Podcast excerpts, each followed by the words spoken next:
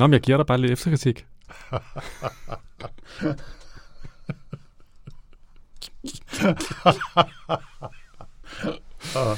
oh man. Hvorfor, ja. er, hvorfor er det, vi laver podcast stadigvæk, Jens, efter hvad er det, otte år eller sådan en stil? Hold kæft, mand. Nå. Skal vi uh, prøve at kaste? Jeg ved ikke, hvad det er min stemme lige nu. Det lyder mærkeligt. Men det er der ikke nok ved. Hm. Jeg kan ikke gøre noget ved lige nu. Nå, men skal vi i gang med det her sci-fi-snak, eller hvad?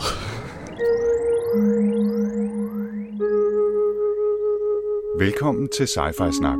Med science fiction. Og med snak. Med Jens Jarl Poder. Og Anders Høgh Nissen. Velkommen, Velkommen til. You're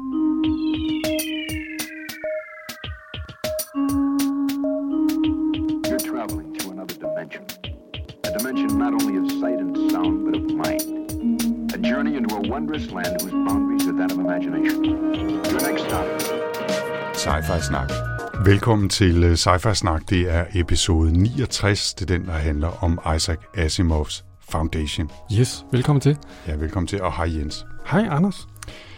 Det var dig, der har valgt den. Ja. Det er jo en klassiker. Ja, det må man sige. Den er fra 51. Helt så længe siden er det ikke, vi læste, men vi, jeg tror begge to, vi læste den, i en, øh, da vi var en ung og impressionabel alder. Ja, ja, det har nok været, mens jeg var sådan noget 13 eller sådan noget, tror jeg. Ja, også her. Ja, måske lidt før men meget tidligt. Det var noget af det første sci-fi, jeg sådan kan huske, at jeg har læst. Ja, men som stiftelsen, ikke? Altså på jo, jo. Ja. jo. Det vender vi tilbage til lige om lidt. Vi bliver jo nødt til at tage den sædvanlige runde siden sidst også. Ja. Det er mest dig, der har fået læst noget sådan fremtidsagtigt. Ja, det er det. Mm. Og jeg tror, jeg nævnte allerede øh, sidst også, at øh, ven af huset, William Gibson, jo har skrevet en ny roman. Den hedder Agency, har du haft fat i den? Nej, ikke endnu. Nej. Øhm, jeg, jeg havde forbestilt den og høvlet den ned stort set lige da den kom. Ikke? Det er anden bog i den serie. Han skriver tit nogle trilogier. Ja. Og det har han faktisk gjort siden starten jo, ikke? Jo. Øh, samler sin bøger i trilogier, så der er enkelte, sådan, der stikker ud, ikke? Men det her, det er anden bog i den trilogi, der startede sidst med The Peripheral. Okay, så det, det er jo noget siden. Ja, det, det er en 3-4 år siden, ikke? Ja. Og, øh, og det er jo sådan en, en verden med sådan nogle multiverser i virkeligheden, men hvor man med noget fjernkommunikation kan rejse lidt tilbage i tiden og besøge nogle andre tidslinjer. Øh, Så i den her, der følger vi dels en sådan 2016 virkelighed, og dels en alternativ fremtidsvirkelighed, men de kan kommunikere med hinanden. Og så er det noget med udviklingen af noget smart AI og så videre. Og jeg vil ikke spoil den mere end som så, men jeg vil sige, det er nok ikke den bedste Gibson-roman, jeg nogensinde har læst. No. Og det synes jeg faktisk var lidt ærgerligt. Den startede rigtig godt. Altså den første 25 procent, der var jeg rimelig op at køre, og han skriver på den der måde, som jeg bare synes er fantastisk, og både poetisk og skarp og sjov og fortællende. Øhm, og så var det som om, at det bare kørt ind i et eller andet kedeligt underplot, som vi fik i alt for mange detaljer. Men, og så de sidste, lad os sige 15 procent, så samler den op igen. Ikke? Men, men øh, jeg synes, at Peripheral var meget bedre. Okay. Og det, det var jeg sgu lidt ked af. Jeg er spændt på at høre, hvis du kaster dig over, hvad, hvad du synes. Mm. Men altså, det er også nogle gange, synes jeg, det er lidt svært med de der forfatter, man har læst meget af, og også læst i mange år. Altså, det er jo lidt ligesom... Øh, selvom der kommer et nyt Depeche Mode-album, så er det sådan heller ikke helt det samme som dengang, øh, dengang man første gang hørte Music for the Masses. Eller sådan noget. Altså, det, det, er, det er ikke helt det samme. I hvert fald ikke med de der bands, der, der sådan lidt laver det samme. Og det gør Gibson jo. Han laver i virkeligheden Han laver det, det samme. lidt ikke? det samme, ja. ja. Og det, øh, altså, det, er jo, det er jo stadigvæk... Altså, bundniveauet er højt, kan man sige. Ikke? Det er stadigvæk godt, selvom det ikke er lige så godt som noget af det andet, han har skrevet. Så jeg synes absolut, man skal læse den. Men man skal måske lige skrue forventningerne lidt ned, ikke? Mm. synes jeg. Men du har dog uh, lavet noget sci-fi-agtigt på en eller anden måde. Jo, altså jeg fik øh, støvet et af mine gamle øh, yndlingsspil i virkeligheden, som jeg ikke har spillet i mange år.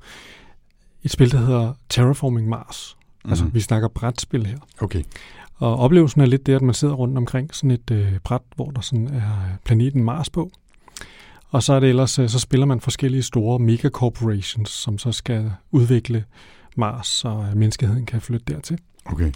Og det er simpelthen det mest tematisk interessante spil. Hvis man har læst øh, Kim Stanley Robinsons Red Mars, så er det lidt ligesom en live reenactment af det. Altså, det lyder lidt som en blanding af Matador og Risk, og så uh, Red Mars. Ja. Ikke særlig meget Matador, og heller ikke særlig meget Risk, men noget andet. men nogle gode, men ellers, et ellers godt brætspil måske. Ikke? ja, okay. Men, øh, men altså, øh, altså, når man spiller et kort, der hedder Damers Down, hvor der står, We don't need this moon anyway, og så hammer man di- månen Dimers ned igennem øh, planeten for at varme den op. Og det er mega fedt. Altså, det er ja. virkelig sådan tematisk, ikke? Og man, man forsker i forskellige slags lav, man ligesom kan sprede ud på overfladen for ligesom at begynde at, og, at få gang i planteproduktion og sådan noget. Det er, mm. altså, det er total hard sci-fi, bare inden for brætspil. Det er mega interessant. Og, og hvor mange spiller man det? Det kan man spille op til fem. Okay. Ja, ned til to. Okay. Eller solo, som jeg også har spillet det et par gange. Det er desværre ikke helt lykkes mig at Terraform Mars endnu, men jeg skal nok lykkes med det. Det her det er en tangent, vi absolut behøver at løbe ud af. Hvordan pokker spiller man det solo? Så øh, skal man nå inden for et vist antal runder, så skal man nå at hæve temperaturen til, øh, tror jeg nok, 10 grader eller sådan noget. Og man skal have iltprocenten op på 18 procent, og man skal have skabt 9, altså nogle hav hexagoner, man lægger på, som repræsenterer okay. øh, oceaner, man bygger. Det, det, det minder mig virkelig også lidt om Civilization-spil, ikke? Jo, jo. Eller, ja. Sådan det. ja, okay. Nå, men øh, det lyder sjovt. Det var rigtig sjovt. Og, øh, og jo meget spot on, meget sci-fi snakket. Og, og, og rigtig meget sådan noget øh, optimistisk videnskabs science fiction, som jo er noget af det, som vi også har læst til denne gang. Ja, ja vi, vi kan med teknologiens hjælp, ikke? Forsprung durch teknik, som øh, Audi. Audi, ja. Audi sagde i gamle dage, ja. Siger det ikke det mere? Ja, det er et godt slogan. Sikkert, ja. Men jeg tror, YouTube snuppede ikke? til en anden sang. Hmm. Øh, Suropa. Okay. Forsprung teknik. Nå, jeg har også, jeg er også i gang med at læse en anden øh, sci-fi bog, som næppe nogensinde når klassikerstatus, men dog er ganske underholdende. Det er noget så øh, interessant som sådan courtroom-drama møder dystopisk science fiction post-klima-apokalypse, øh, hvor, øh, hvor USA er, er blevet en politistat og øh, øh, slår folk, øh, der vil begå oprør øh, til ihjel til højre og venstre, og så følger vi den her øh, advokat, der hedder Donnie, øh, som er kommet til at, at være forsvarsadvokat for sådan nogle terrorister, eller folk, der bliver anklaget for at være terrorister. Og øh, den, er, den hedder Rule of Capture, skrevet af en fyr, der hedder Christopher Brown, og jeg så den anmeldt af Cory Doctorow på Boing Boing, som gav den pæne ord med på vejen, og jeg kan godt se, hvorfor. Den, den føles lidt som en, en Cory Doctorow-bog, hvis, hvis, hvis han havde skrevet om en, øh, en amerikansk øh, forsvarsadvokat i en post-apokalyptisk verden. Så okay. hvis man kan forestille sig det. Det kan jeg sagtens forestille mig. Ja, øh, så, så den er jeg i gang med øh, cirka halvvejs, så den er, den er, altså, det bliver aldrig en klassiker, det, bliver, det er ikke stor kunst, men den er underholdende nok, og, og, og et ganske sjovt take på, på den der øh, verden efter undergangen et eller andet sted, som, som, øh, som vi har hørt mange gange før. Ikke? Mm. Mm. Så det er det, der er sket siden sidst i sci land Ja, vi har fået en enkelt anbefaling i øh, Goodreads-gruppen. Det var Erik A. Otto. Altså ikke ham, der skrev, det var forfatteren. Nå, ja, det er rigtigt. Det er forfatteren, ja. Erik A. Otto. Jeg kan ikke huske, hvem det var, der skrev. Uh, Jesper, tror jeg, han hed. Jesper, ja. ja. Øh, men øh, Jesper foreslog, at vi skulle læse øh, Detonation, som han havde store forventninger til, men ikke havde læst endnu. Mm. Men han synes, at vi skulle tage at læse den alligevel, selvom han ikke øh, ikke rigtig havde læst den nu. Jeg synes, jeg var frisk.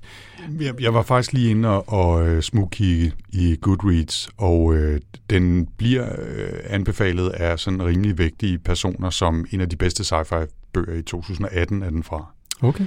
Yeah. Og øh, er blevet godt rated på Goodreads og Amazon, så, øh, så jeg fik da lidt lyst til at, at kigge på den på et tidspunkt. Okay. Så, øh, så tak for den anbefaling. Cool. Det kan sagtens være, at det er noget, der dukker op igen her i Sci-Fi Snak.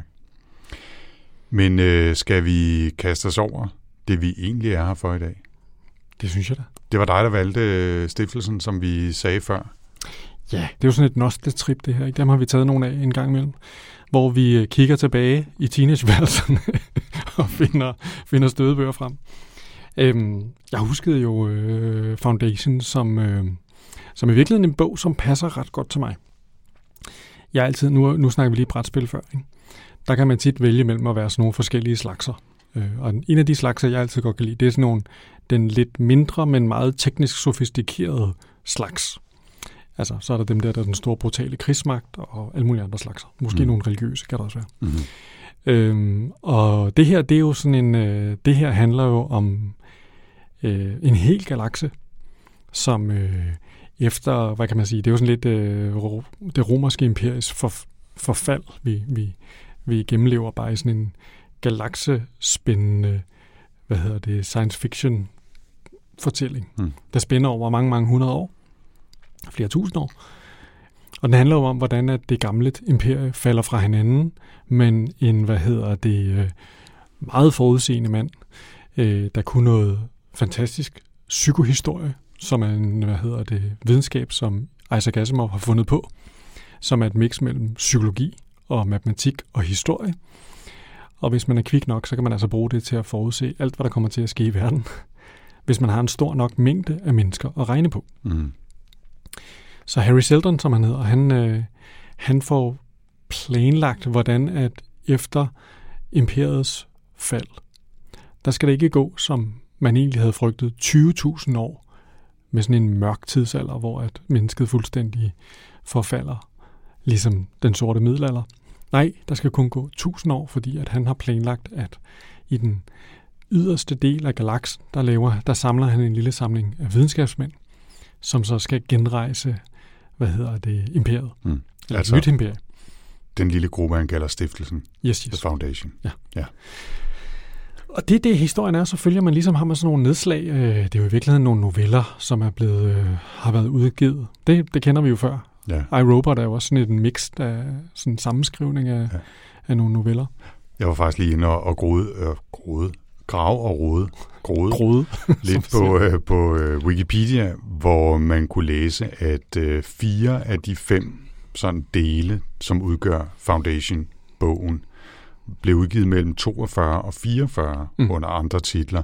Og så skrev han i det 50-51 en femte del, som faktisk blev den første del af bogen, og samlede de fem dele til stiftelsen eller Foundation, som så udkom i 1951 som samlet roman. Mm. Så det er faktisk øh, næsten 10 år tidligere, at han skriver hoveddelen af bogen.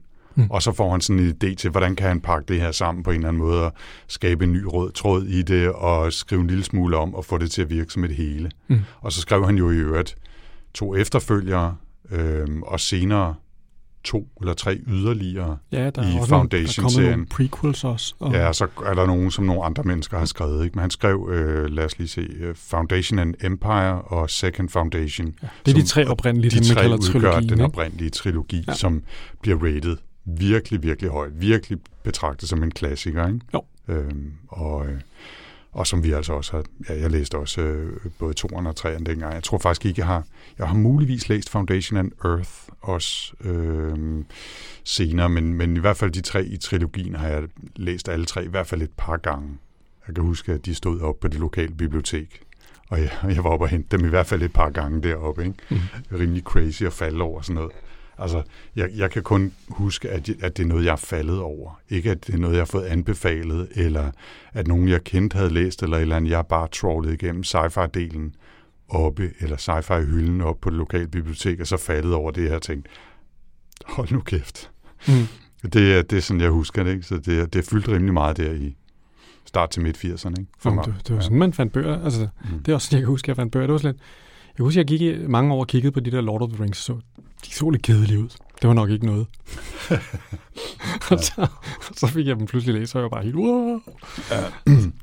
Nå, men øhm, ja, så øh, Foundation. Men altså bogmæssigt er det jo sådan en... Øh, det er jo sådan... Altså, nu siger du, at de, nogle af dem er fra 42 og 44, ikke? Altså bogmæssigt er det sådan en rigtig klassisk science fiction fortælling, ikke? Med mænd, der flyver rundt, mens de ryger pibe, og, eller store cigarer er det mest der, i rumskibe, der kan flyve øh, igennem rummet via sådan nogle jumps, og altså, det der er noget af det fede ved den her, det er jo, at den, han spiller på det helt store år, ikke? Altså, det er det der, det, det der, der både kan med, med der har sådan en, øh, halvdelen af året har sådan en ting, hvor den tager en bus og banker den ind i en væg, og så er der noget, der siger lidt ned den anden, ikke? Altså, der er der er hele klaviaturet i gang. Ikke? Ja. Altså, vi starter på en planet, der er fuldstændig pakket ind i, øh, ind i metal, Trantor, øh, universets centrum. Vi får udviklet, hvad hedder det, personlige små øh, atomreaktorer, man har rundt om halsen, som laver sådan nogle strålekanonskjold, og altså, der er bare det hele. Det, altså, det, er, det er klassisk øh, 1950'er science ja. fiction. Og der er ikke noget med, at øh, vi er i en alternativ tidslinje, eller en first person persons øh, fortæller, som man ikke rigtig kan stole på, og der er ingen af sådan noget der. Det, det er bare straight forward. Det, som han i virkeligheden synes jeg, nogle gange, når jeg synes, han er bedst, ikke? så alle hans historier, sådan, det er også sådan, når man læser iRobot, det er sådan nogle små puslespil, der skal løses. Mm. Der er det her problem, det skal løses. Helten finder en løsning, problemet er løst. Ja. Bum, videre. Og som du siger, typisk løser helten problemet ved at sidde i en, øh, en lænestol og, øh, og barbe lidt på en pibe eller en cigar, og så måske lige ud og gøre lidt, fordi han skal trods alt lige vise, at han er en handlingsmand. Og, og, øh, og så falder det hele på plads som Tetris ja, ja. efterhånden, som han løser det. Og meget tit så finder man jo ud af, at, han, at det hele er forudset lang tid inden. Det er ikke bare, altså løsningen på det her, det er en, det er en, altså en, en møjsomlig udført plan, mm. som vi først får vide noget om, når han ligesom en anden superskurk fortæller, hvordan han gjorde det hele ja. til sidst. Ikke? Og i virkeligheden er Harry Seldon den her psykohistoriker, som, som stifter stiftelsen, øh, har forudset det galaktiske imperiets fald. Han er jo sådan en gange 100. Ja. Altså han, vi følger en ret lang tidsperiode, øh, nogle 100 år, i, i bogen, og hvad er det, efter 50 år og 80 år, eller jeg kan ikke huske, det, det er det omkring, hvor Harry Seldon har lavet sådan en, øh, en holografisk optagelse, som så bliver vist på et foruddefineret tidspunkt, hvor han fortæller om, jamen, I kan, altså, jeg kan jo ikke høre jer, fordi det er bare en afspilning af en video, en holografisk video, men han fortæller folk, at han har regnet ud, hvordan deres verden ser ud, og at de nu er ved at nå til et, et kritisk tidspunkt i den fremtid, han har forudset, og derfor dukker han op og fortæller, at de er nået det her kritiske tidspunkt, mm. og så må folk ligesom selv finde ud af, hvordan de vil klare den. Ikke? Fordi som du sagde, dealen er jo, at han har han kan regne på altså millioner af mennesker i gang, men han kan ikke sige noget om, hvordan enkeltpersoner vil opføre sig. Det kan, det kan psykohistorien ikke klare. Men hvis man regner i millioner af mennesker i det her galaktiske imperium, hvor der er tusinder og er der tusinder af beboede verdener, og milliarder og er der milliarder af, af mennesker, jamen så kan man faktisk med ret stor sikkerhed forudsige, hvordan øh, verden vil udvikle sig, historien vil udvikle sig ret mange år ud i fremtiden. Og jeg tror i de der, jeg tror på et tidspunkt, at han, han er på sådan noget 99,5 procent sikker efter 80 år på, at verden vil se ud præcis sådan, som han har regnet ud, mm. at den vil. Ikke? Og det er jo også en fascinerende tanke, grundlæggende. Altså, det er noget af det, jeg kan huske i hvert fald, fascinerede mig, da jeg læste den. Det var den der forestilling om, at man, man, man sidder med en stor galaktisk maskine, og hvis man bare kender alle parametrene, når man starter, så er det bare at dreje på håndtaget. Mm. Og så kan man finde ud af, hvordan tingene ser ud. Og ja, så er der en lille smule slør i gearne og så videre. Og der kan også være individer, der pludselig altså smider grus i maskineriet. Men i grundlæggende, så kan man med det rigtige værktøj og de rigtige symboler forudsige fremtiden. Det, jeg kan huske, det er en af de scener, jeg sådan, øh, har, har sådan visuelt inde på min nethinde. Altså når jeg, når jeg tænker på Foundation, det er en af de der scener fra starten, hvor Garl Dornick, som er ligesom ham, der fortæller, øh, som er den første hovedperson, øh, vi møder. Han er sådan en historiker-type, som egentlig skulle have været arbejdet sammen med det her Foundation. Ankommer til Trantor og møder øh, Harry Seldon umiddelbart før, at han bliver anklaget for forræderi, fordi han spreder de her rygter om, at øh, imperiet er på vej øh, sønden over. Mm-hmm. Men den der scene der, hvor Harry Seldon, han i sin bælte, i sådan en bælte-pouch, han har, der har han sådan en lommeregner, som simpelthen er fuldstændig blankslidt. Og så fingrene danser henover, ikke? og så kan han lige forklare, kan du se, hvad der sker her? Åh, åh, siger Karl Dornick. Han kan genkende, og så kan de, har de den her snak om, at øh, jamen, der er ikke noget at gøre. Altså, imperiet om 300 år findes det ikke mere. Mm. det er, det er, det er, ret, det er en ret sjov forestilling. Ikke? Jo. Øhm, nu bevæger vi os i, i 27 forskellige retninger, men det var fordi, du lige sagde det der med, at det er sådan en klassisk sci-fi, og det mm. spiller på det store orgel, og det er både øh, altså, øh, store rumskibe og atomvåben og øh, den, den der personlige øh, hvad hedder det, nukleare reaktor, man kan have en halskæde, som der laver et force field og strålepistoler og hologrammer og, og så videre. Ikke? En, en sjov ting ved den teknologi er, at det, jo, at det er så klassisk 50'er og, og 60'er sci-fi et eller andet sted. Ikke? At det er, det er rumfart og rumskibe og atomkraft. Mm. Og der er ikke engang rigtig robotter med Nej. her. Øh, og, og de læser stadigvæk papiraviser, og så, så ser de... Øh, så ser de tv. Altså det er sådan video, videokommunikation. Og, og, de har sådan noget 3D-hologram. Ja, men, men det er stadig... TV, det er lige ja, meget sejt. Ja, det er det, men det er stadigvæk tv, ja, ja, basalt set. Det, det er snart om. Der altså, der er ikke rigtig noget computer involveret. Der er ikke noget kunstig intelligens. Der er heller ikke nogen robotter. Altså, det er, det er rumskibe og atomkraft. Mm. Og så, at man kan rejse mellem fjerne planeter i en overkommelig tid, ikke? Jo, de har det der faster than light ja. jumps. Og det, det synes jeg skulle ret sjovt og ret klassisk. Ikke? Det er ekstremt klassisk. Det er jo næsten Jens Lyn. Det er lige præcis det, det er. Ikke? Altså, det er... Øh, og, og det synes jeg øh, er charmerende mm. på sin egen måde. Det, der er sjovt ved den her, det er jo, at han sidder der, og så sidder han og tænker på... Han, altså nu sagde du Civilization-spil lige før, ikke? Det er jo lidt det samme, ikke? Han sidder og tænker et galaktisk imperium, hvordan vil det ligesom udvikle sig i nogle faser over tid? Og så genfortæller han ligesom det i de her historier. Ikke? Så vi har ligesom en fase, hvor at, jamen, de skal gå fra at være sådan nogle videnskabsnørder til at være sådan nogle drevne politikere, som kan forhandle sig frem til resultater. Så skal de udvikle sådan en uh, hokus pokus bogus, hvad hedder det, religion, som de bruger til at dupere de nærliggende, hvad hedder det, planeter. Så skal de udvikle uh, og hvad hedder det, få magt over de andre via handel. Det er sådan en... Øh, det er sådan at sidde og se sådan et imperie blive bygget, ja. men, men det er ret fascinerende, synes jeg. Jeg synes, det er en ret sjov idé. Ja, altså, jeg ved ikke, hvor meget du læste i Wikipedia, men, men han var jo rent faktisk konkret uh, inspireret af The Rise and Fall of the Roman Empire, den her klassiske ja. bog. Ikke? Um, og den fortæller jo også netop, hvordan, altså, det kan godt være, at det romerske rige fortsatte indtil, altså, godt op i, i vores tid, øh, vores tidsregning, ikke? men det var jo kun, fordi det var så stort. Fordi de sidste 200 år eller sådan noget, altså det var jo, det var jo bare en supertanker, som fortsatte på samme kurs, selvom motoren for længst var gået ud og, og eksploderet, og folk var, var hoppet fra bord. Ikke? Mm. Og sådan er det jo også lidt med det galaktiske imperium. Ikke?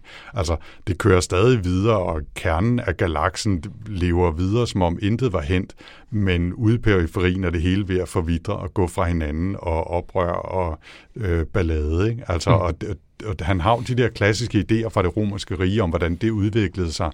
Bare se de galaktiske størrelsesorden, ikke? Ja, og så er de sådan lidt mere sådan lidt, øh, det her, de her kejser, de er sådan lidt mere ligesom sådan nogle kinesiske, mm. hvad hedder det, øh, adel, men også sådan lidt, du ved, sådan lidt fransk, øh, britisk. Sådan, der er på et tidspunkt sådan en øh, diplomat fra, hvad hedder det, øh, imperiet, der er på besøg på øh, Terminus, øh, mm. den stiftelsens hovedplanet. Og han er sådan en total pufter med, hvad hedder det, femset diktion. Og, ja, den får heller ikke for lidt. Virkelig sjovt. Ja, i øvrigt, vi har, vi har overhovedet ikke fortalt, hvad fanden der sker, vel? Altså fordi, øh, nu sagde du lige Terminus, mm. og det er den planet, som Harry Seldon og hans øh, Mary Band of Psycho-Historians tager ud på. Mm. Og den det, ligger den, jo... Den ligger helt ude i yderkanten, ikke? Ja. Altså det er hinsides Lars Tønskeds øh, øh, solsystem, ikke? Jo. Og Derude, der ligger også fire andre planeter. Mm. Og det er i virkeligheden den her lille gruppe, som historien fokuserer på og kredser omkring. Ikke? Altså Terminus' forhold til, er det ikke fire andre planeter, jo, øh, altså, som, man, som ligger lige omkring? Jo, altså der, man hører lidt om de forskellige. Jeg kan ikke huske navne på dem alle sammen. Men den første fase, som jo får Salvo Hardin, den første sådan ligesom borgmester, på ja, Terminus. På Terminus. Mm. Ham, der ligesom gør op og overtager magten fra de her. Oprindeligt hele fidusen med at bygge stiftelsen. Harry Seldon, han bilder jo imperiet ind, at han vil lave en stor Encyclopedia Galactica. Han, øh, og, og det er meget sjovt, fordi der hele tiden, hver gang der er nye kapitler, så er der et citat fra Encyclopedia Galactica. Men Harry Seldon, han bilder simpelthen imperiets, øh, hvad hedder det, magthaver ind, at øh, han vil bevare al viden fra imperiet i det her store leksikon, som jo også er en anden sjov gammeldags ting. Ikke? Det er sådan mm. lidt, hvad gør man, når man, øh, når man skal vide noget? Så skriver man det jo ned i et leksikon jo, det er klart. Mm-hmm. Så udgiver man et bind en gang imellem, og det er det, de sidder og laver ude på den her planet. Ja. Ude på de, ude i de den nåede, yderste, de yderste galaksearm. AAC. ja, præcis. Ja. Der sidder de og, og udgiver leksikoner. Aha.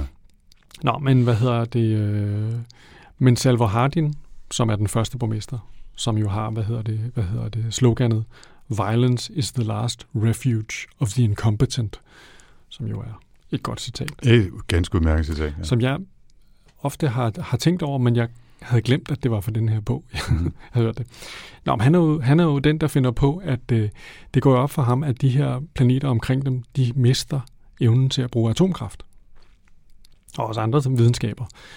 Foundation eller stiftelsens øh, power er jo, de er virkelig gode til videnskab. Det er jo kun videnskabsfolk, der er kommet ud. Øhm, så han regner jo ud, at det her videnskab, det kan han jo bruge som en slags religion. Han pakker simpelthen videnskaben ind i religion. øhm, og det bruger han så til at betvinge de her fire omkringliggende planeter. Øh, og det er jo sådan en af de første sådan sjove twist, at han, øh, som han finder på. Ikke? At, øh, det er jo lidt ligesom det der gamle citat øh, med, at, øh, at al videnskab, mm. som er tilstrækkeligt avanceret, vil ikke være, i, være noget, man kan skille fra magi. Mm. Arthur C. Clarke. Yes, yes. Mm. Det er jo lidt det samme her, ikke? Altså, han opbygger sådan en kult omkring de her mennesker, der kan drive atomkraftværkerne, og den kult, ja, de tænker jo på Foundation som deres åndelige centrum. Ja. Øh, og det den første bølge her af, hvad hedder det, planeter, de får så det at vide, når i det øjeblik, de prøver ligesom at vende kanonerne mod Foundation, så bliver tomskruerne lige sat på. Ja. så er der lige pludselig ikke noget lys mere. Ja, lige præcis. Ikke? Det, er, det er faktisk os, der sidder på, øh, på al energien ja. og lyset og øh, jeres, øh, jeres velbefindende. Ikke? Han er en ret skøn karakter, synes jeg, Salva Hardin der med hans cigarer og hans... Øh, hans øh, Altså, han er jo lidt sådan en, han tager jo lidt magten som en slags diktator. Mm. Altså, der er jo nogle problemstillinger, kan man sige, omkring sådan noget, øhm, altså demokrati og enevælde og sådan noget, som man måske kan stille spørgsmålstegn i. Men altså. altså, det er, det er helt klart, det, det er en, øh, det er en række af historier, som hylder den, øh, den magtfulde ener, ikke? Jo. Det, det er vist en pæn måde at sige det på. Især hvis det er mænd også. Det er også godt. Ja, altså, øh, nu har vi, vi har jo ikke snakket så meget om øh, Asimov øh, her i, i, i den her episode. Vi, øh, jeg tjekkede lige, vi har faktisk øh, læst Robot Visions, altså en samling af hans øh, robot-noveller tidligere. Det var helt tilbage i 2014, Jens. Det, det er jo nærmest... Men er det episode 12 eller 9? Forrige årtusind, det er episode 12, ja. ja, ja. Øhm, og, og det er jo hans andet øh, klassiske, eller hans klassiske samling af historier. Det er jo, det er jo den, der handler om robotter. Mm. Og, og en grad af kunstig intelligens. Det er jo Asimov, der har skrevet de tre robotlove, som ofte bliver citeret. Det behøver vi ikke gå, gå tilbage. Men vi, der snakker vi om ham dengang. Og så snakkede vi jo sært nok, eller jeg snakkede om ham sidst, i den episode, hvor du havde fortalt mig, at du havde valgt den her bog. Mm. Fordi jeg var lige faldet over en artikel over, at han var åbenbart en rigtig øh, kvindegramser på den sådan lidt ubehagelige hashtag MeToo-agtige måde i mange, mange år. Og, øh, og så snakker vi om, hvor, hvorvidt det ligesom kunne farve ens, ens læsning af, af en historie. Jeg prøvede sådan lidt at lægge det fremme, øh, for, også fordi jeg har læst Foundation og havde nogle, nogle glade minder. Men jeg synes faktisk, det var lidt påfaldende, at øh, altså, der er sådan cirka halvanden kvinde med i stiftelsen. Og den ene af dem, hun, hun, hun er lige ved at give sig op til at sige sin mand imod og, øh, og fortælle ham, hvilken skvatnavl han er. Og så stikker han hende sådan et øh, atomdrevet smykke, der kan lave en slags lyskjole til hende. Og så, nå, så, siger, så bliver hun bare øh, grebet af det, og så går hun sin vej igen. Ikke? Det er virkelig... Her, her perler, farvede, farver striber, gå din vej. Ikke? Ja. Øhm, og så øh, den, den andet tidspunkt, jeg sådan tænkte over det, det var netop ham der, der kommer og, og er sådan lidt, øh, skal vi sige, femset øh, karakter, ikke? Som, hvor man også bare tænker, okay, jeg er helt sikker på, at du var sluppet afsted med den der øh, i dag, hvor, hvor vi prøver at tage lidt, lidt mere hensyn til, mm, folks øh, seksualitet og overbevisning, øh, race og så videre. Mm. Men, øh, men så der er lige nogle nedslag der. Det er helt klart en, øh, en bog om mænd.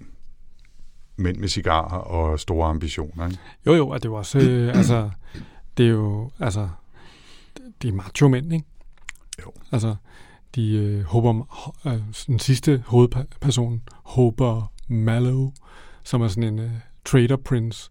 Altså, han er jo 100% også sådan en, altså, trækker en pistol og siger, at hvis du ikke du gør, som jeg siger, så skyder jeg dig, og sådan noget. Altså meget øh, macho-agtigt. Ja. Så det er en sjov mix mellem macho og videnskab.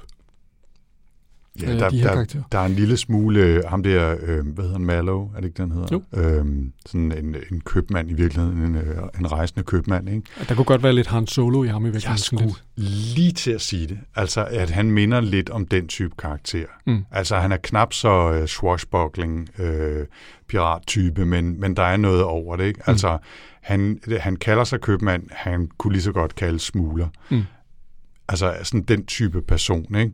Og som også er parat til, at- til at skyde lidt til højre og venstre, og, og han skyder helt klart først, hvis han er i, et, øh, i, i en presset situation, ikke? Mm. Øhm, så han, han minder lidt om, om det. Der er, sådan, der er lidt noget af den samme stemning. Han laver også nogle det. deals, ikke, hvor han sælger det her atomsmykke, som kan et eller andet, og to dage efter holder det op med at virke. Ja, det ja, er lige sådan, præcis, ikke? det ene mere fupagtige nummer efter det andet. Ja, ja, og det, det er selvfølgelig til galaksens bedste, fordi øh, noget med, hvad for noget teknologi man spreder til hvem og så videre, ikke? men øh, vi er jo ikke i tvivl om som læser, at, at han er på, øh, på den rigtige side af historien, men det smager sådan en lille smule af, at vi sælger øh, øh, tæpper til indianerne, og så er det propfuld af, af guldsot og, og hvad hedder sådan noget, øh, smallpox, ikke? Mm. Altså, det er, der er sådan, det hører til sin tid, vil jeg sige, nogle af de der elementer, ikke? som man helt klart skal synes er okay, og, og vi har ret, men når man sådan prøver at kigge det med, på det med bare en lille smule kritiske briller, så kan jeg, jeg kunne ikke lade være med i hvert fald at tænke, ja, okay, Nå, men altså man kan sige, hele, hele forestillingen om at lave en historie, som er positiv over for dannelsen af et imperium, altså er jo, vil vi jo nu om dage se som ikke Ja. særlig politisk korrekt, vel? Altså, de nationer, der dannede imperier, har jo påført de stater, som de, som de indtog som, hvad hedder det, kolonier, jo altså forfærdelige lidelser, og altså, hvis vi kigger på de imperier, der har været historisk, Mm. så er der ingen grund til at ønske sig, at vi alle sammen boede i et imperium. Nej, nej, nej helt, helt enig. Altså, øh, man kan sige, stiftelsens formål er jo at begrænse en tid med kaos. Mm. Så på den måde, så, så er jeg sådan set, jeg kan sagtens forstå det, det smukke i den idé et eller andet sted, ikke? Men man spørger sig selvfølgelig sig selv, jamen, stiftelsen skal begrænse en tid med kaos, men skal stiftelsen også være det nye imperium, hinsides den her 1000 års øh, kaos-episode, som man kan få høvlet sig ned på fra de 20.000 år, der ellers var forudsagt. Ikke? Mm. Øhm, og, og der ligger måske nogle ting. Ikke? Men det, det er mere sådan den der sådan lidt øh, lemfældige omgang med, øh, med sandheden og andre menneskers me- ved og vel, som, øh, som, som bliver lidt påfaldende, synes jeg nogle gange. Ikke? Jeg tænkte på, at vi læste jo Shikasta, Shikasta. Og der er jo sådan en helt, øh, den, den handler jo helt om sådan en opgør med sådan en, øh, en altså sådan en postimperialistisk opgør med den hvide race. Mm. Mm. Men Asimov her, han kigger kun på sådan den der, altså det der romerske imperium, som er altså et tilpas langt væk, til at vi kan, kan hvad hedder det, øhm, romantisere det hele, ikke? Altså, øhm, som sådan en fantastisk tid, der skabte alt muligt godt og sådan noget. Øhm, men man skal, de, de imperier, vi har tættere på, er jo altså meget mere problematiske. Ikke? Jo, jo, altså man... man Og det er bare mærkeligt, fordi han skriver den her, altså nu i 42, 44, det er jo på det tidspunkt, hvor at britterne de begynder at, at få den der fornemmelse af, at vi bliver nok nødt til at opgive vores imperium, fordi det, det går simpelthen bare ikke. Mm. Man, man kan ikke have et imperium mere, man bliver nødt til at opgive den tanke. Ikke? Men altså på den måde er hun sådan lidt, altså det er jo også, Winston Churchill kunne godt have siddet der og, og skrevet med på denne her, og, og, og hvad hedder det, og synes altså nogen som øh, Salva Hardin ville være en fanskab. Måske har han i virkeligheden bygget lidt hen over Churchill, hvem ved. Ja, det, det kunne han, han kunne godt minde lidt om, ikke? Det kunne han godt være, ikke? Ja. Nå, ja. bum. Jeg ser lige ned over mine noter, om der var andet, vi skulle øh, snakke om. Nej, altså ikke andet end at det, og så, så er det sådan sjovt, at sådan på, på tværs af det her macho noget, så har han så stor tiltro til psykologien. Ja. Det er sådan en mærkelig ting, at de her, den her science fiction for den her tid, at man forestiller sig, at psykologi kan virkelig meget. Vi læste jo også, hvad hedder den? Øhm, da, da, da, da, The Lace of Heaven. Ja. Den her øh, roman af Le Guin, ja, hvor at øh, en psykolog og drømmeforsker tiltager sig magt over hele verden. Her der er der altså en psykolog, der så også er matematiker, som hvad hedder det, regner ud, hvordan at hele galaksen. Men Jeg, jeg tænker, der må nå. gå nogle, hvad hedder det, psykologer rundt i øh, ekosko og hvad hedder det, øh, og fløjlsbukser og tænke, øh, lige om lidt, så slår vi igennem. Altså, jeg tænker, Jeg som om har forudset det. jeg tænker at øh, det, er jo, det er jo ganske interessant, at det bliver kaldt psykohistorie, ikke? Fordi i virkeligheden, så er det jo massehistorie, eller masse matematik, ikke? Altså, det handler jo i virkeligheden ikke særlig meget om psykologi, hvis vi tænker på psykologi som den enkelte, enkelte persons eller individets mentale øh, velbefindende, eller handlemåder, eller øh, altså øh, i den dur. Ikke? Altså her, der taler vi jo om, at han regner på millioner af menneskers kollektive handlinger, eller effekten af dem i galaktisk skala. Øh, Og det, det synes jeg, det er i hvert fald noget andet, end hvad jeg normalt tænker på som, som psykologi. Ikke? Så derfor så er betegnelsen jo egentlig lidt spøjs. Ikke På det her tidspunkt i øh, under, hvad hedder det, 2. verdenskrig, der er hele den her idé om øh, gruppepsykologi opstår jo. Mm. Jeg har jo en master i organisationspsykologi, så for, bare for at jeg får alle de her, øh, hvad hedder det, øh, mails om, at jeg skal tage, have mere respekt for psykologer. Så. Øh, mm. Men altså hele den her idé om øh, at øh, tænke på mm, altså, store grupper af mennesker som sådan en masse af mennesker, hvis psykologiske, som, som også er styret af nogle psykologiske mekanismer, som gør, at de, man kan forudse, hvordan de handler. Det bliver meget moderne her i, efter 2. verdenskrig. Ja. Må, jeg- må jeg bare lige spørge som en lille øh, øh, parentes, Jens, hvor, hvor tit får du mulighed for at bruge sætningen, jeg har jo en master i organisationspsykologi, komma, så prik, prik, prik. Syv år mulle. øhm, det er ikke så tit. Nej, men, men jeg er glad for, at du fik lejlighed til at bruge det her. Jamen, det er ikke så dumt. Ja. Nu var det jo også sådan lige noget med massepsykologi. Ja, ja det, var, det var relevant. Ja, helt bestemt. Øhm, og interessant. Jeg synes bare, det har altid... Jeg, rim, jeg føler mig rimelig overvist om i den danske oversættelse, der hedder det psykomatematik. Det kan jeg ikke huske. det, jeg har bare sådan en eller anden forestilling om, øh, det kan godt være, at jeg husker galt, men øh, jeg kan i hvert fald huske, også fordi de regner med de her symboler, de har, han, han, har den der lommeregner i sådan en, øh, en lille taske i bæltet, som du nævnte før, ikke? Og, de, Mm. og de kan sådan øh, indkode øh, sætninger, øh, udtalelser med symboler, og så regne, altså på et tidspunkt tager de en udtalelse, så skriver de alle symbolerne op, og så kan de se, det går fuldstændig nul. Den siger ikke noget, den her, øh, den her tekst. Øh, og, og det er sådan lidt øh, fascinerende for mig, det der med, at man kan skrive, ikke bare kan man regne på millioner af menneskers handlinger i, i sådan den, den store størrelse, man kan også skrive det med symboler, og på den måde altså manipulere det, se, hvad hvis man gør sådan her, eller udskifter det her med det her, ikke? og så regner man ligesom øh, universets fremtid på den måde. Jeg synes, det er super fascinerende. Og pointen var bare, at hvis jeg nu rent faktisk husker rigtigt, at det hed noget med matematik i den danske oversættelse, så, så giver det også sådan den der sjove blanding af noget psykologi, noget føle-føle, noget hvordan handler vi, hvordan interagerer vi, og så med det her benhårde, der er ikke noget altså, følelsesmæssigt eller subjektivt eller noget som helst. Det er bare symboler, der fortæller, hvordan virkeligheden ser ud. Mm. Som jeg synes er interessant. Ikke? Det er super interessant. Ja. Altså, igen må man bare sige, når man læser hans bøger, altså han var da god til at få gode, altså skø, skæve idéer Mm. øh, og skrive gode historier om det. Skal vi øh, hoppe til en øh, rating? Yes, det skal Ja. vi. Jeg var sgu lidt skuffet over den her genlæsning, øh, så jeg har givet Foundation tre stjerner. Mm. Det er ikke ret meget. Jeg kede mig bragt, og jeg forstår det ikke helt, fordi på papiret, så, øh, så synes jeg, det er et, et fantastisk projekt. Det er en god idé. Øh, jeg har glade minder fra øh, læsning og genlæsning af hele trilogien, fra jeg var ung. Og jeg synes, der er nogle super interessante øh, idéer i tanken om at spille, som du siger, på det store år i, i den her bog og, og dens efterfølger. Men jeg synes, at, at de konkrete historier og plots om, hvordan borgmesteren eller købmændene øh, øh, forsøger at manipulere de andre planeter og styre og opbygning af den her religion og deres, øh, nu tager jeg hen på slottet til en eller anden øh, småkorrupt øh, prinsregents øh, onkel eller hvad fanden det er og snyder ham til at gøre et eller andet på min agenda. Jeg synes, det var mig inderligt ligegyldigt.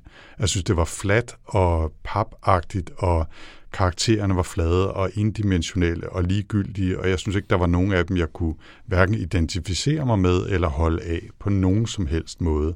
Og derfor så, øh, altså, jeg, jeg, jeg skimmede mig nærmest igennem de sidste to øh, kapitler eller dele af den her bog, og det, jeg synes, det var meget mærkeligt, fordi det var ikke det, jeg havde regnet med. Altså, jeg havde sat mig ned, du ved, og åbnet, og øh, taget mine, øh, mine slippers på og, nærm- og tændt sådan en mental cigar på en eller anden måde, ikke? I, i den bløde lænestol og glæde mig til en genlæsning. Og, og så var det bare, jeg ved ikke, jeg var ikke 13 år længere, eller jeg ved ikke, hvad der er, der er sket. Det var meget mærkeligt. Jamen, øh, måske er jeg stadigvæk 13 øh, år indvendig, fordi at øh, jeg havde det fuldstændig modsat. Mm. Og jeg, alt det, du siger, er jeg fuldstændig enig i. Øvrigt. Altså, det er jo ikke, fordi jeg sidder og tænker, åh, jeg synes totalt, jeg kunne identificere mig med de der hovedpersoner, og ja. jeg synes, der var dybde, dybde og, og prægnans i deres handlinger alt muligt. Og slet ikke. Altså, men jeg, hvad hedder det, jeg fandt mig alligevel ligge om aftenen og tænkte, fuck, jeg skal fandme også op i morgen for at finde os. Måske. Jeg, jeg læser lige ind til mm. klokken, den er mm. et, og så, fuck nu klokken to. Altså, kender du den der? Så, øh, men det var nok fordi, at øh, jeg tror, jeg kom ind i den der, jeg læste den bare som om, det var sådan det der, altså, som det var. Altså, det er bare et eventyr, ikke? Mm. Det er sådan et rumeventyr, og det er i den grad ikke mere. Altså man skal ikke, jeg tror ikke, man, man skal forvente mere af den. Man kan også sige, den er også utrolig hurtigt læst. Øhm, så ja, for mig, der var det sådan en, øh, det var lidt ligesom Star Wars igen. Der sidder man heller ikke og tænker, han har godt nok øh, kvik ham der Luke Skywalker. Sikke dybder. Altså, det, det gør man heller ikke vel. Altså, det er bare sådan nogle, det er nogle actionfigurer, der hopper rundt og gør nogle ting. Øhm, her, der synes jeg bare, det er nogle sjove, små...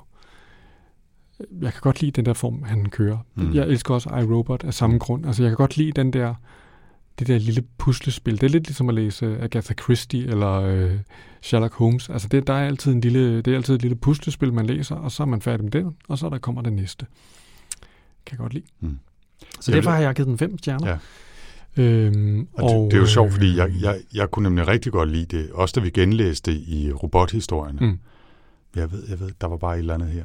Som... Måske er robothistorien også bedre. Det tror jeg også, jeg synes. Det, det tror jeg. Hvis jeg synes, de, skulle vælge de, de, mere, de er mere tight, og de... Jeg, jeg tror, jeg, jeg kan godt lide ideen, som sagt, i stiftelsen. Altså, jeg synes, altså plottet, hvis man bare skriver ned og fortæller det korte pitch, synes jeg er fantastisk. Ja. Altså, men, øh, men jeg synes, den aktuelle udførsel haltede lidt igen læsning. Mm. Ja, men sådan er det jo en gang yes. imellem. Nogle gange så, øh, så er det fedt at gå tilbage. Jeg kommer til at tænke på, på Dune. Ikke? Ja, altså, som, den. Ja, som, da vi læste uh, iRobot igen, eller ja, ja. Robot Visions, det var jo mega fedt. Ja, lige præcis. Ikke? Nogle gange så, så er der en grund til, at det var en klassiker, mm. og man er glad for den både, både dengang og nu. Ikke? Og så var der altså en her, der smuttede for mig. Men øh, so it goes. måske går det bedre næste gang. Jeg overvejer faktisk at gå, til, at gå tilbage og snuppe toeren og treeren, bare for at se, om om jeg ligesom kan finde noget af den der igen. Fordi noget af det, jeg kunne huske, vil jeg ikke spoile toeren og treeren, men der er jo den her muldyret, The ja, Mule-karakteren, øh, som dukker op i toeren. Og det, det, det er ham, jeg kan huske bedst. Og jeg tænker, kan vide, om, om der dukker et eller andet af den der fornemmelse fra den gang op, hvis jeg går tilbage og læser videre. Mm. Det overvejer jeg lidt. Altså, jeg var lige ved at, at, at bare kaste mig videre ind i de næste to, så tænkte jeg, ah, det kunne også være, at jeg skulle læse noget andet. Mm. Mm. Og det skal jeg jo. Ja, det skal du faktisk. Fordi at, uh, nu er det din tur til at vælge. Hvad ja. skal vi læse næste gang, Anders? Ja, det er ikke toeren. Nå. Bliver jeg sådan noget at sige. Det, den må du læse i din fritid. Det er så i orden. Så at sige. Nej, jeg har, øh, jeg, jeg tænkte lidt over det, du sagde sidst med, at det er dig, der vælger klassikerne, og mig, der, der tager chancen med de nye. Og øh, så tænker jeg, hvor, hvorfor ikke bare fortsætte i den stil? det spor. Men, men jeg, og jeg har, været, jeg har været virkelig, virkelig i tvivl. Der er faktisk tre bøger, jeg havde lyst til at vælge til den her gang. Mm-hmm. Så, så det er mere eller mindre, du ved, jeg skulle lige til at sige plat eller kron, det kan man ikke, hvis det er tre. Men øhm, det er blevet lidt tilfældigt, hvilken af de tre jeg har valgt. Og øhm, jeg tror godt, jeg kan sige, hvad de to andre er, fordi dem har jeg også tænkt mig at læse. Og jeg, der, er, der er alligevel to måneder til, jeg skal vælge næste gang, så det er sikkert noget helt andet, der er interessant og spændende mm-hmm. til den tid. Så de to, det ikke er, men som jeg har tænkt mig at læse. And the runner-ups. Ja, præcis. Den ene, det er uh, Detonation, som blev nævnt af, jeg tror altså, det var Jesper. Jesper, hvis du ikke hedder Jesper med noget andet, så beklager jeg, men nu kalder vi dig Jesper fra sci-fi-gruppen på Goodreads, som foreslog Detonation af Eric A. Otto. Uh, den synes jeg faktisk lød ret cool. Uh, den vil jeg gerne læse. Og den anden er, uh, kender du uh, den podcast, der hedder No Such Thing as a Fish? Nej. Nå. Det er en podcast, som bliver lavet af en lille gruppe englænder, som er tilknyttet det her QI, som også har Stephen Fry og flere andre tilknyttet, som laver sådan noget... Meget mærkeligt program. Øh, ja, men de laver en podcast, hvor de er fire værter, som hver har sådan et, et sjovt trivia-faktum med, og så riffer de en masse over det og fortæller sjove historier relateret til det. Og der er en af dem, der er med, en af de faste værter, han Andrew Hunter Murray. Og han har lige skrevet en sci-fi-roman, der faktisk får virkelig gode anmeldelser, som handler om en, øh, en fremtid, hvor jordens rotation er gået i stå. Så der er en meget, meget varm side og en meget, meget kold side, og så er der en tynd bræmme af jord, hvor man kan leve. Jeg tror, den hedder Last Day. Og den, øh, den glæder jeg mig også til at læse. Den skal, den skal læses. Og øh, den står på min liste nu. Nå, hvad for en bog valgte jeg så til den her gang? I sidder spændt og venter derude, og du sidder her og spænder, øh, spænder, vent. Spænder. Spænder, vent. Hey, big spænder. og øh, det er en bog, der hedder This is how you lose the time war. Jeg har læst af en eller anden grund en hel del bøger om tidsrejser her på det seneste når jeg har samlet sådan lidt tilfældige sci-fi-bøger op og tænkt, hey, nu har jeg lige brug for lidt underholdning. Og den her, den synes jeg lyder lidt interessant. Den har jeg også kigget på. Den er skrevet af et par, som hedder Amal El Mokhtar og Max Gladstone, og handler om to øh, tidsrejsende agenter fra forskellige fremtider, der i virkeligheden er lidt i krig med hinanden, men så begynder at skrive kærestebrev til hinanden øh, i virkeligheden, og så følger man deres historie sådan på tværs af de her øh, tidslinjer. Og det synes jeg lyder øh, som et ret sjovt take på ideen om tidsrejse slash multiverser. Så den synes jeg, vi skulle læse, så den ovenikøbet relativt kort. Og det er jo også meget hyggeligt en gang med at læse science fiction bøger, som ikke er 800 sider lange og øh, i fem afsnit, øh, men bare kort og forhåbentlig tight. Så det er spændende. This is how you lose the time war. Den vil jeg glæde mig til at læse. Det gør jeg i hvert fald. Mm. Fedt. Ja. Jamen ellers er vel ikke så meget andet at sige, eller? Det tror jeg ikke. Hvis man er interesseret i at foreslå os bøger, eller kommentere på det, vi har fortalt om Foundation, hvor kan man så gå hen? Jamen, der kan man gå ind på, øh, der kan man gå ind på Goodreads, på Sci-Fi Snak-gruppen. Mm. Der hænger vi en del øh, ud. Øh, jeg ved ikke, hvor mange vi har haft 300-400, tror jeg. Ja, noget der, der, der er med i den gruppe.